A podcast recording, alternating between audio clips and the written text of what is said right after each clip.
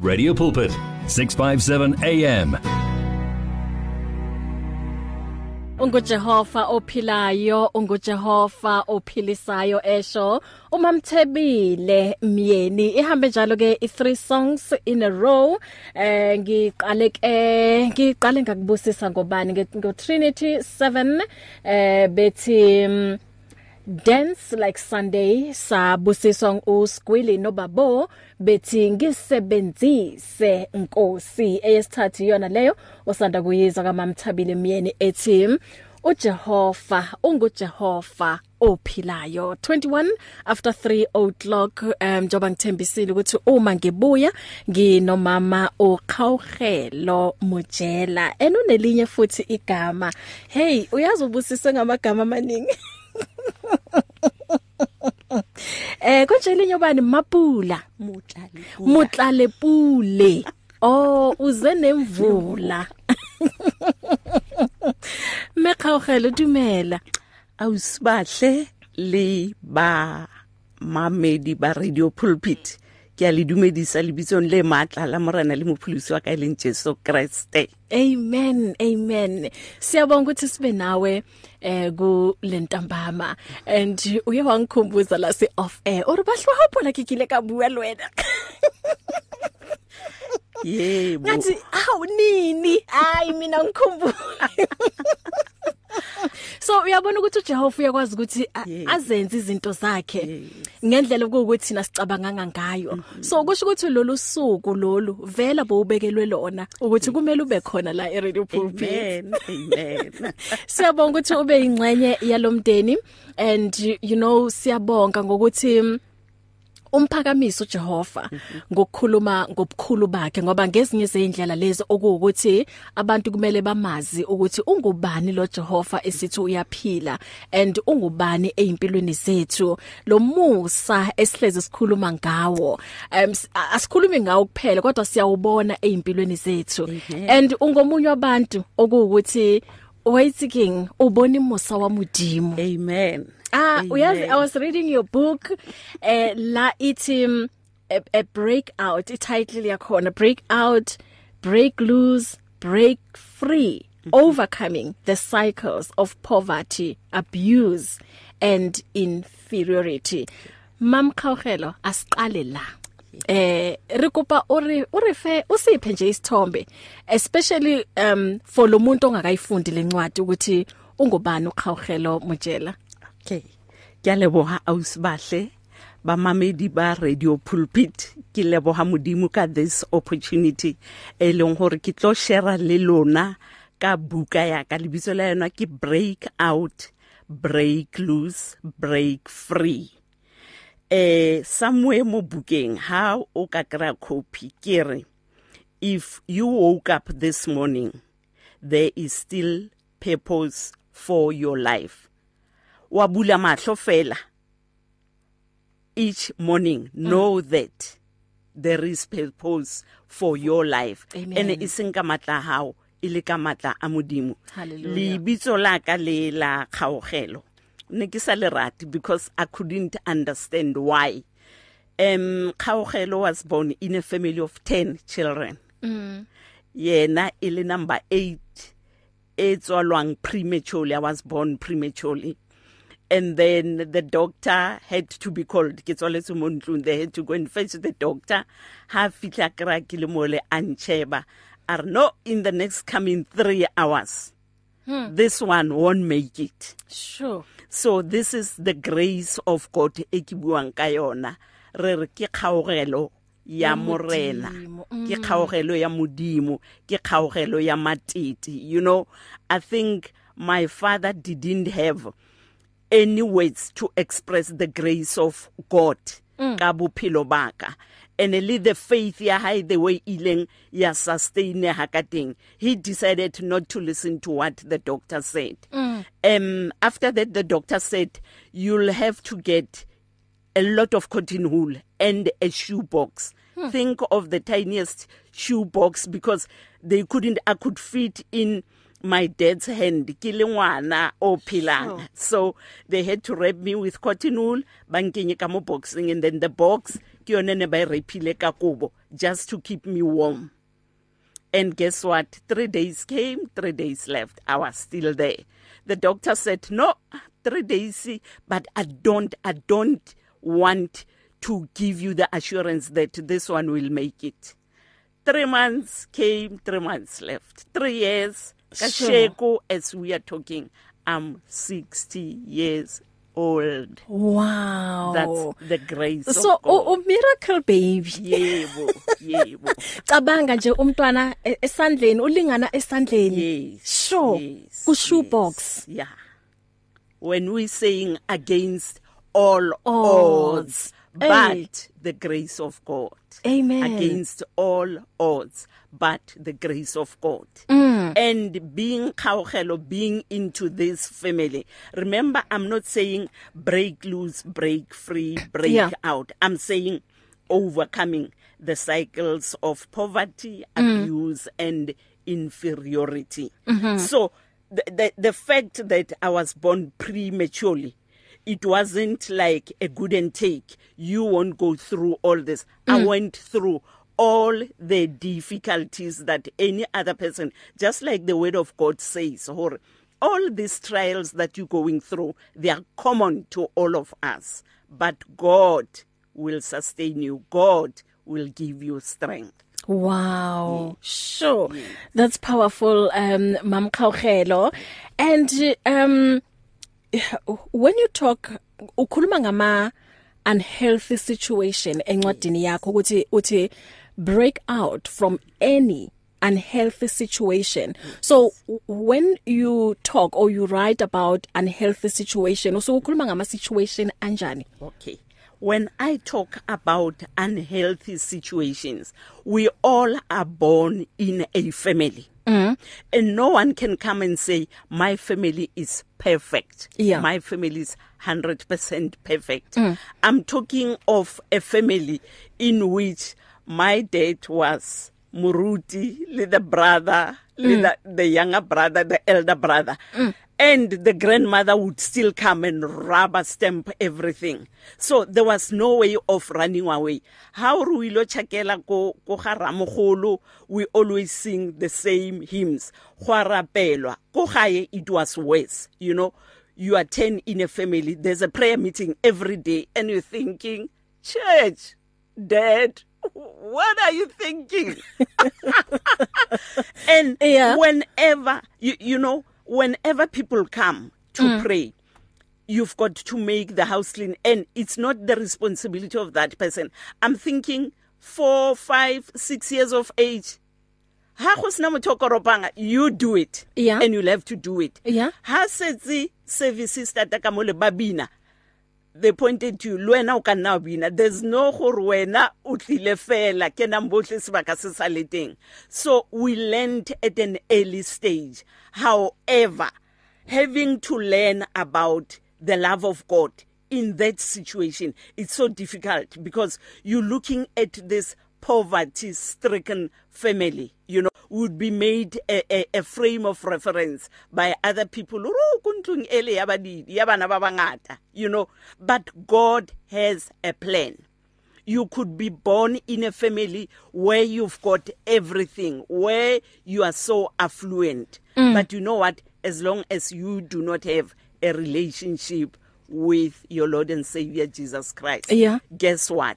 There will be some hurdles Hmm. along the way. And those who survive, they are not surviving because they are better off. They Yeah. are only surviving because of the grace of, Of God. Hmm. Yes.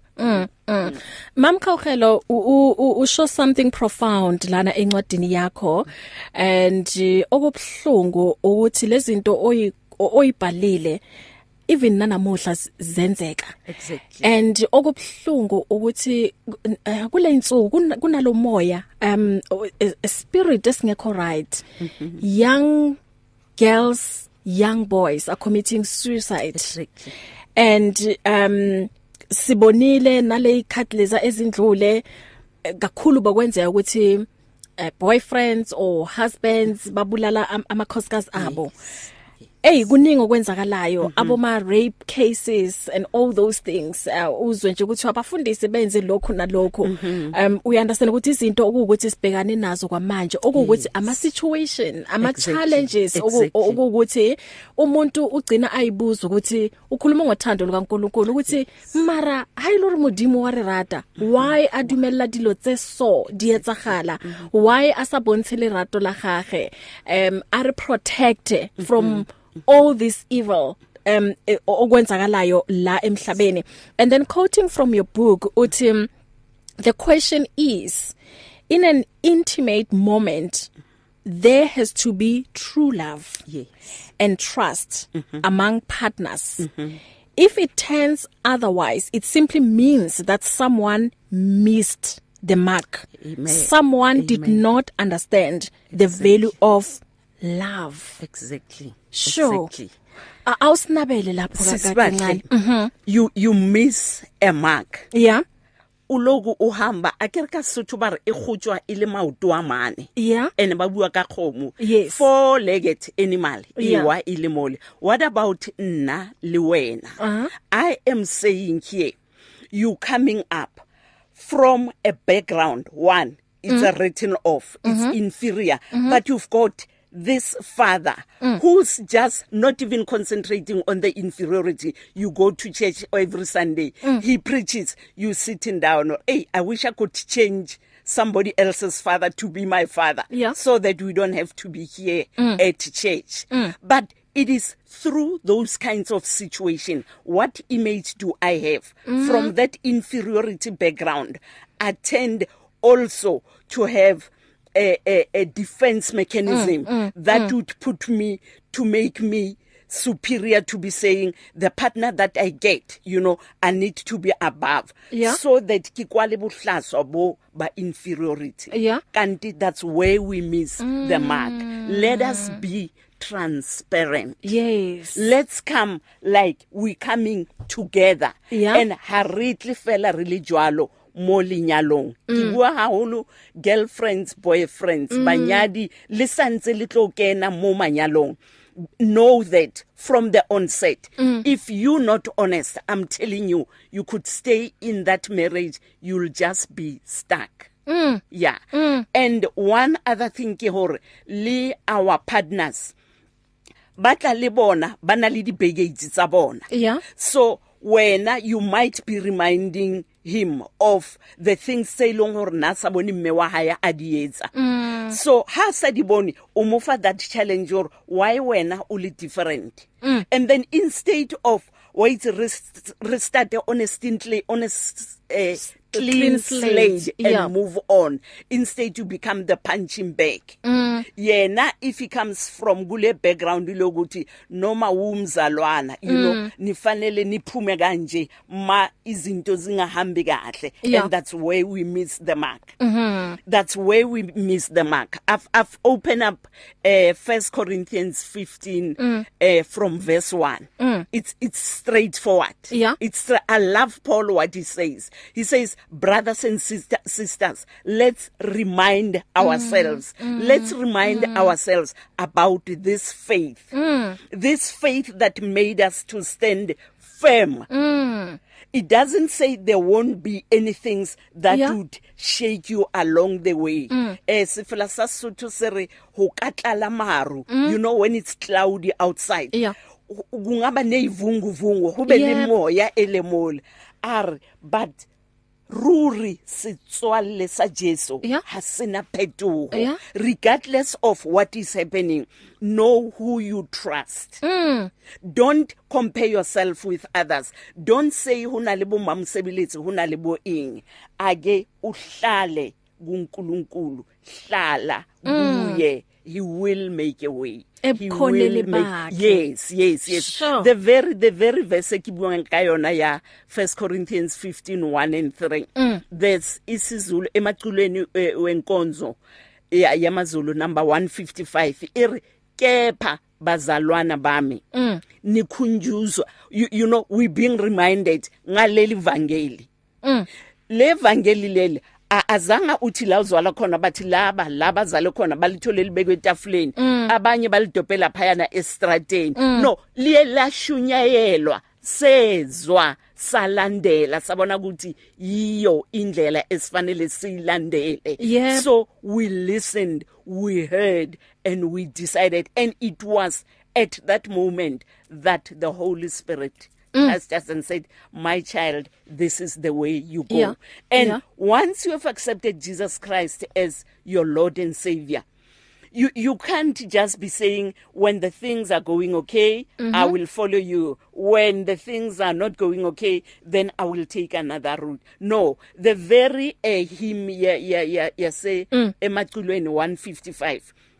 mayiqhubeka the chorus part of it ithi hlushwa naye it doesn't say maka makahlupheke nje ayiwani wena ube ngasemuva but hlushwa naye Yep. ngoba nosizo kuwe yeah when you look at the cross Yeah. you'll remember what Jesus Christ went Mm. through it's not even comparable to the pain that you are facing at that point in time Mm. and i love the word of god because it says you you you haven't even been tested to the point of death Yeah. you know bese lokhu bekugijimisa hey izala wena eh ngikwenzele Yeah. ifavor ngakulobola Yeah, uyabona yeah. Mm-hmm. lethi imali yakho la and then you you cannot compare that to the cross Mm. mawuthole chance or ifastere livulekile i've stated in the book you jump out of the window run for your dear life because lo u- naye umntana kaNkuluNkulu Yes. even if asebenziswa uSatan Yeah. Mm. umntana kaNkuluNkulu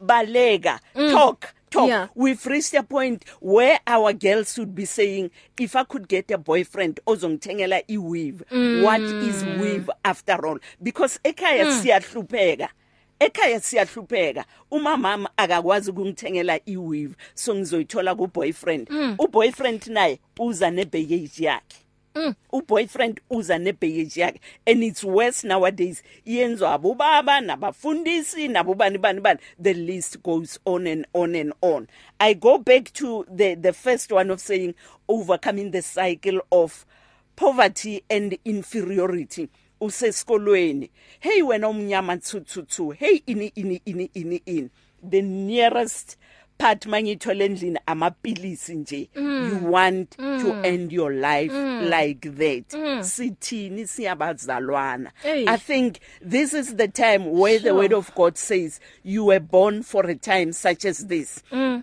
bazalwana this is the time for us to preach i think all these things that are happening u- unkulunkulu naye uyazibuza ukuthi laba bathi abami baphi makuso in a world like this this is the time where we need to stand up the word of god says if we cannot preach this gospel le ukuthi sizwile if we cannot preach it uzovusa amatshe can you imagine Ay. stones now having to share the gospel siloku sikhona ah shame umntana abantwana 15 years it has to come to an end yes kunemimoya ephesians 6 it says we're not fighting against flesh, Flesh and- and, and blood Amen. we need to stand up bazalwana ibhayibheli lithi having stand stand firm uyazi uzokuthi umile njengentaba yase Zayoni ekuthi you it cannot be mm, shaken. shaken. shaken psalm Yes. 125 it endureth forever Ah, uyazi njoba ukhuluma nje mama ukuthi eh, esikhathini esiningi singabantu sinale angazi ngithi i weakness or ngi- ngithi yini it seems like asilaleli izwi kaNkulu izwi kaNkuluNkulu lithi singabeki ithemba lethu kubantu Exactly. because abantu bangakudisappoint umuntu Yes, today angakhuluma yes, Mm-hmm. lokhu kusasa uyavuka ukhuluma okunye oku different so uma ubeka ithemba lakhe kuye um u- uzogcina uthatha intambo exactly and hang yourself ukuthi okay lo muntu ngithembise this and that Mm. Yes, and now yes. Mm, akasa uh, fulfill ama promises wakhe so i think it's about time sibuyele ezwini likaNkuluNkulu ukuthi Exactly. ithemba lethu silibeke kubani kuJehova not kuma relationships not yes, kuma marriages no- yes. not kuma friendship Yes. um kuma relationship ngoba esikhatini esiningi ikona lokho ukuthi abantu they they can't handle it anymore besabona ukuthi a way out exactly ukuthi nje exactly. aqede ngempilo yakhe nakhohle ukuthi ushiya abanye abantu Exactly. Mhm. Mm-hmm. Exactly. And it starts especially in an intimate relationship. Yeah. You know, hey asambe siyodla eMcDonald. Mm. Kusasa makubheda ungakhohlwa ukuthi yini benilamba ngakuthengela ama chips. Eish. You know, how, how do you weigh a person's life ngepacket yama chips? eish How do you weigh a person's life ngepacket yama chips nje ukuthi ngakuthengela ama chips because Yeah. yini bengeke kube nomuntu ozokuthengela ama chips Mm. em u- u- u- ushada ungesana abazali futhi ngikuthole ungenabazali you know Mm, it's like i made we we trying to make people in our own image Yeah. Mm. kanti that's not that's not what god wants us to do and you even mentioned that encwadini ukuthi ama relationship will definitely be tested in one way or Or the uh, other. or the other Yes. and it is at that crucial moment mm -hmm. that one needs to break out Mm-hmm. Yes, and yes. be true to, to self to yourself yes yeah. yes mm. um sisibahle just to give an example eh uh, mina i'm from the old school of thought sabazalwana but laba bafake ama work club you know yeah yesontweni ubuyele ekhaya ungabheki yeah but mm. i want to say that kind yoma work club mm. it it helps to shape you Yeah. as an individual because masohleli ekhoneni yakho we one mm. ungazenza abazalwana bangakuboni yebo but uNkulunkulu uyakubona Uyakubona. uNkulunkulu uyakubona mm. so it is important ukuthi masingena kuye uthi amaZulu bathi ungene uphelele geleke qe yebo isizulu leso Yebo. akithu kasuthu nkari Yeah. Uh-huh. yes U- u- uhlale kuye noma isimo singekho right Mm. you know u- u- yazi ukuthi lo muthembayo Mm. you know you wouldn't just let this person to kill you Yeah. just like that Yeah. Mm. you know you will survive he will make a way i love his word he will make a way he says these temptations are common to everybody Yes. Mm. and even if you are tempted god will make a way Yeah. yes yes Sure. so we need to be honest we need to be truthful about what is it esimelene nowadays nabantwana bethu you know because they are uh, the new generation bahlanganise uNkulunkulu ne whatever izinto zabo no uNkulunkulu uzongiprotector on the way where are you going mm. you cannot just go the wrong way uloku uthi Yes. uNkulunkulu Yes. uNkulunkulu uthi laba mamathembayo you Mm. know you need to trust him fully Fully. and wha whatever the next step that you it's a decision that you make Yeah. but you need to take a step back and say god are you pleased Mm. with this if wena if wena ungavumanga abangani bangamani bawele nje Yeah. umyeni lwathi uyangithanda kanti mangingena la ufuna ukungiklinye ebusuku uthi lethe imali yakho those kind of things no we need we need to define what is it that we want in life Amen. Em asithathe ikhefu sizobuya mhlambe nalapha emakhaya balindile bafuna ukukhuluma nawe eh mamqhawhelo sizovulela incingo isikhathi sesithini sithi um 16 before um 4 o'clock so sina plus minus uh, 15 minutes ukuthi sithatha ama calls wakho noma ungathumela iWhatsApp ungatexta noma u u voice note lapho eh, ngeTelegram noma ngeWhatsApp ku 0826572729 unga SMS ku 37871 incingo ngizoyivula ku 0123341322 noma ku 012 um 338699 siyabuya emveni kwalokho nje ungashaya ucingo From your ear to your heart to your mouth to your feet. Join this life on 657 AM. It's difficult to face the overwhelming pressures of life alone. Sometimes we just need someone to talk to, someone to listen to us. And what better way to do that than through a quick and easy WhatsApp text? Whether you're having a hard time coping with school, family issues, being bullied, depression, or anxiety, speak to someone who cares today. Send a WhatsApp message to 064 530 6805 or 074 995 9085. Our I Am Youth Counseling team, Charles Dudoy and Danny Vambili, are ready to connect with you today.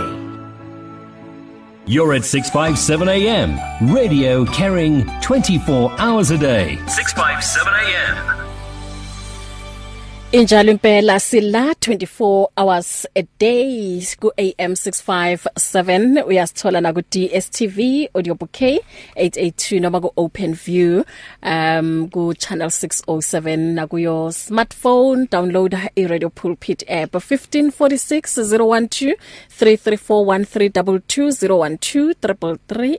33413220123338699 uma ke uthanda ukukhuluma la noma mkhawugelo mojela ubhale incwadi ibizwa ukuthi break out break loose break free ethi siya la elayinini sawubona usemoyeni Nkosazana. kalimambo Eh uyindaba ibeka kahle umfundisi. yebo Nala emabanjini kuba khona lemkhutshana labefundisi laba abangakwazi ukufundisa. Ngokuba omunye umfundisi wavakashela omunye umfundisi lokhu kuyisihlobo sakhe. iya Wasukwathi wena. Le ndoda le mbi kangaka nje uphuza ufuna namanzi le. Mina ngeke ngiphuze amanzi lapho ke le ndoda. Yo, Labantu bayathandana banekhali ihle kahle. Uyabona manje umfundisi sewudiliza umuzi walabantu. how Ufuna ukuthi lo ayeka hamba ethola indoda enhle. hayibo Eh zila kubefundisi lezinto lezi. aha Eh nomfundisi noma uconyiwe umuntu ungamtshela uthula uthi du un- noma umthathe lenithutheni kwelinye ibandla. ehe Ya nabanganazi khona sukuhlalahlale lapho senishade lapho. Ya. Futhi manje kusahluphi kunomfundisi lapha kwakommissionary Ya. lo sebenza kusaleni Ya. lo sebenzela le kwakommissionary Aha. le. Uma maphepha akhona namba niyomtshele uzonithatha eh, ani anise le kwakom aha ungayifaka kumfundisi uzothela umhlaba. Kanti babukozaza kalimambo um sawubona usemoyeni Sahle kunjani? ngiyaphila wena unjani Ngiyaphila ukuzimelele futhi. oh okay mm u- uthanda ukukhuluma nomam eh, qhawugelo Yebo. yebo ma khuluma naye khuluma naye ma Oh, sanibonani. Sawubona sisi kunjani? Ngiyaphila ukukhuluma noNompumelelo. Ithi ngikhuluma ifathi ngakhathi le-airtime. Nginesicelo lana Eh. ukuthi le fathi lena can it be on audio cause like ngikhulumela like kakhulu thina who are visually impaired ukuthi sizokwazi kuyi-accessa because noma nimazibhala le ncwadi lezi thina abantu abangaboni we cannot access them because they are not on audio. Ah. Okay, Mm. all right. Okay. Em sisinompumelelo nyabonga kakhulu. Eh ngiyenze i special education. I promise you. I hope Mm. ulalele Yeah, eradioweni. ne? ulalele, yeah. Em I'm I'm I'm hoping I will take this further. yeah I will take it further because go special education Mm. zihlukile nje you're not only looking at disabilities because you see a person physically Yeah. no it's easier to to change this for the visually impaired Oh Yes. okay nompumelelo uzwile ke yangithi eh ku possible ku possible kakhulu ukuthi ke um ungayithola lencwadi yebo and eh, u- uyazi nje kwinto ebalekile ngoba akusiwo wonke umuntu ukuthi angakwazi ukufunda so if nje ingatholakala iku audio i think ingasiza abantu abaningi and abanye abanaso isikhathi sokuthi umuntu athathe incwadi ahlale phansi so uthola ukuthi all the time mhlawumbe usemotweni uya travel so yabona ukuthi if kukhona indlela ukuthi ayilalela loka driver kuba simple ngalokho um uda alchemist uthi wow thank you mam jela uh, the purpose of god still stands regardless of how we came on earth or um are raised uthi icebo lakhe li lingavinjwa i'm encouraged and inspired by your testimony thank you and god Amen. bless you from Amen. pastor eh, sipho nhlapo umamjabulile thwala uzuthini lalela la umamjabulile uthini uthi tell like it is sister kg put your trust in god only Amen. Amen. Um sizisavuliwe incingo 0123341322 nombuzo noma uthanda ukukomenta kule testimony enamandla. U- u- Umam Khawhelo ke a miracle baby bazalwane. Uyazi njengoba ke elibeka udaba lwakhe ukuthi kuthiwe nje uzophila for only 3 hours. but today una 60 usaphila usamgcinile uJehova umusa ongaka nothando olungaka and phezukwa lapho yazi kuthiwa icherry on top angithi wabuya nencwadi wathi i- a- a- a- noma kuukuthi angikwazi ukukhuluma nawe face to face kodwa ngingakwazi ukukhuluma nawe eh, through lencwadi break out break loose break free sawubona semoyeni Hello ma. Hello gogo unjani? Ngiyaphila mntanami unjani? Ngiyaphila nami. Mm. Awu musongaka, Ey, usongaka uthando lungaka. hallelujah. Ukhuluma nogogo Mlongo. Ngiyakwazi ke mina ngibuya khona lapha ePitori lapha ePulpit. Yebo gogo. Engafiki. Ehhe. Uyazi isithando sami umama uhawuhele ukhuluma amazwi ashubile Mm. a- a- a- esiyakhula ngawo thina. Mm. ukuthi abazali ba- uma benza lokho abaku- abakwenza la ekhaya wena wenza kona Mm. manje kulamazwi naye ekhuluma lapha yana ukuthi yena ukhule kanjani uhambe kanjani endleleni nabazali ayinkonzweni kwenziwani kwenziwani lawa mazwi alapha bengifunda uDeuteronomy 6 yangizwa ma Yebo ma, ngilalele. Ngilalele. nithi mamhawhelo uDeuterona ungikhumbuze uDeuteronomy Yes. verse 6 no 7 Yes. lapha athi lawa mazwi Lawa engibuyela ngawo mazwi. Yes. namuhla Yes. ayakuba siyeni ya eh ubafundisa impela wona abantwana bakho ubafundise, ubafundise gogo. manje wafundiswa Eh, eh yagogo. wakhulume lapho uhleze endlini Lapho yakho uhlezi khona nalapho endlini. uhamba endleleni Exactly. Ngiyabonga nalapho gogo. ulala Ngiyabonga nalapho gogo. uvuka Eh, eh ngiyabonga ukuthi wenza izwi kubazali bakho ngiyabonga gogo. kungako ngiyabonga. namhlanje na uqinisa abanye abantu Amen. uqinisa abanye abomama Amen. nedi Amen. sikhulekela indlebe zokuthi balilalele leli Amen. ngoba likhona lona liyaphila Liyaphila, liyaphila Liphila, gogo. phila, phila. Liyaphila. ya ngiyabonga njengoba Ngiyabonga gogo, ngiyabonga kakhulu. Amen. Bye-bye. Bye gogo. Hallelujah. Hallelujah.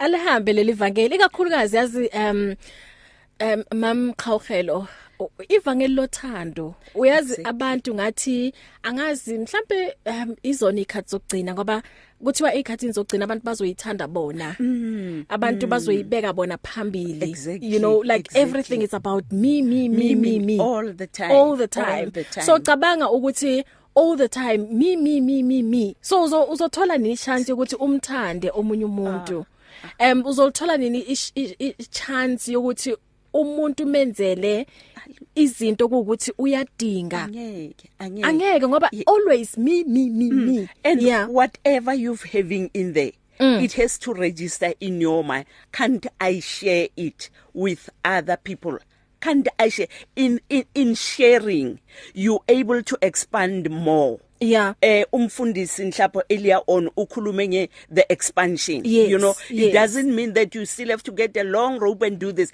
the little that you've got ushare nabanye you don't know Aha. ukuthi kusasa you'll be in the same situation Amen. and they will have to come bezoshare now mm. that's the long and the short of it all Ubongani the author uthi 3 hours in people's eyes in uthi is 60 years in God's eyes what a powerful Amen. testimony uthi Amen. live on Amen. live on mam Amen. khawkhelo so Amen. mhlambe ungasharela um a bit um nge life experience yakho ikakhulukazi uma kuza la kulolu daba lokuthi break out break loose break free yeah Yes, yes.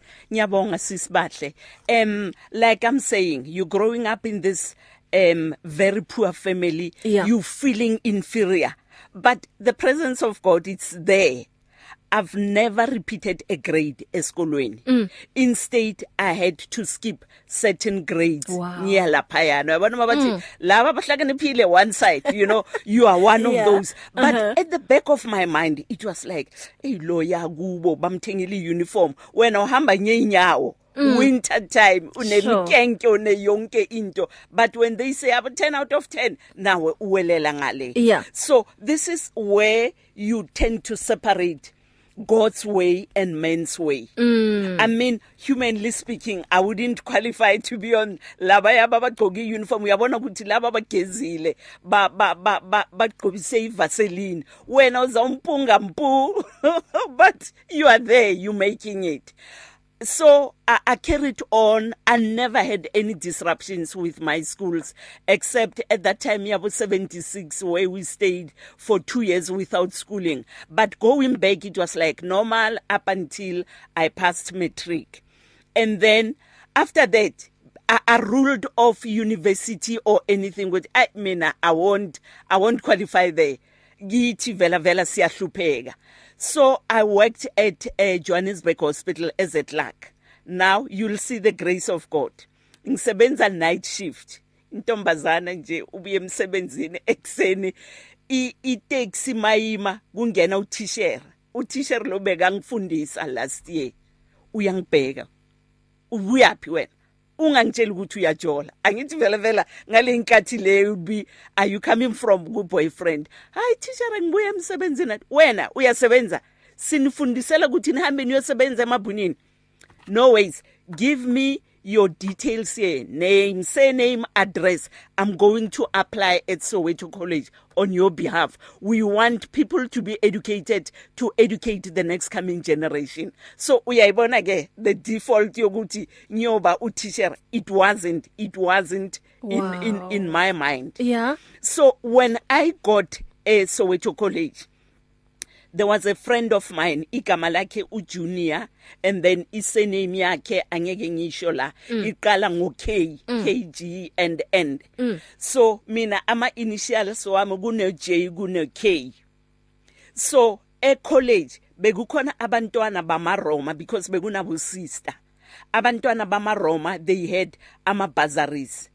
and this friend of mine kubo they were well to do they had everything so mabathi laba bafuna amabazaries she's thinking of me ngingekho naseklasini so abusista mabathatha ama details uyabanikeza kuthi ini ini ini mara abhale isename yami mayiqeda uyangitshela ukuthi wena futhi ubaba wakho washona ukudala nomama sekashonile awunabazali so you've got no escape mababiza amagama kusasa ukuthi laba bafuna ibazari ini ini uyoya laphayana because mababona bang- mama babona kuvela mina is going to be a problem so that helped as well in so much that way then even the government would like subsidize us with the books with everything if you are in the choir if you are in sport anything that you need was freely available Wow. oh. so that's the grace of God of God. yes yes Sure. yes. Yabona isikhathi lesi manje si- siba nomona mamkhawukhelo. Hayi uyazi sifuna ukuthi sihlukane how in- ingxoxo sesemnandi kangaka bakithi.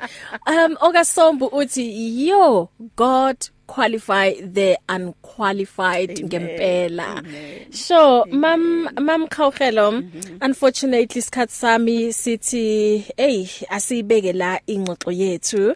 Um uyazi nje kube mnandi kuba nawe.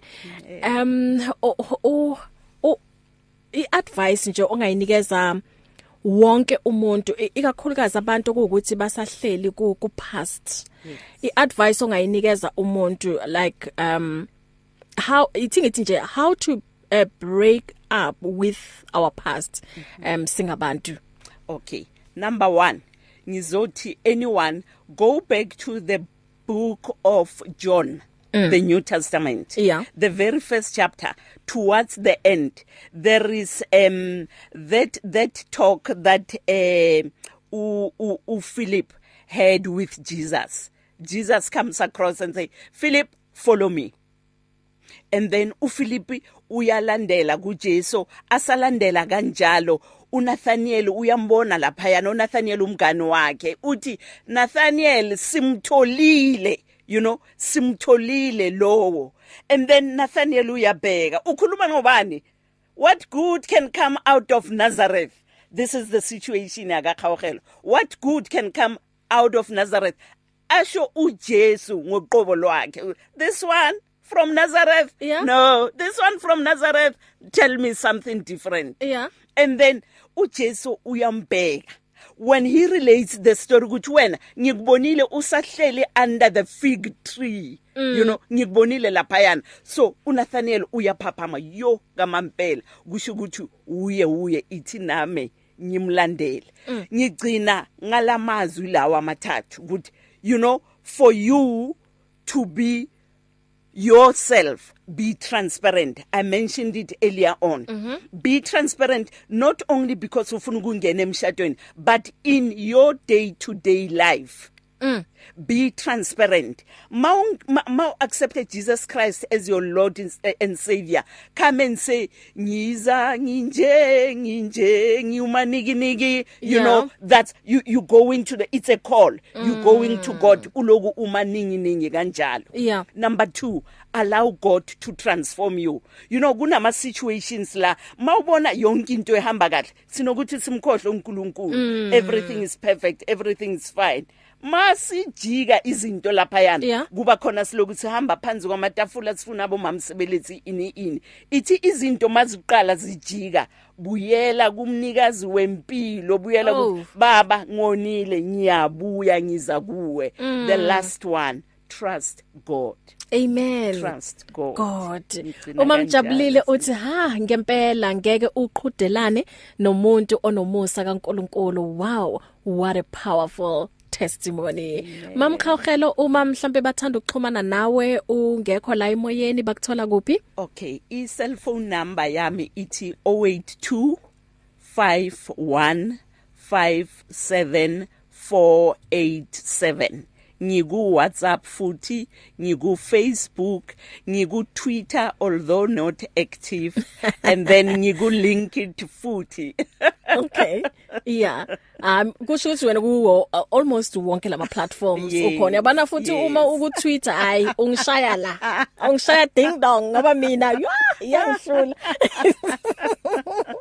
Okay, ku social media ubani khawhelo? khaogelo mojela Okay. khaogelo motlale pula mojela Okay, ku Instagram?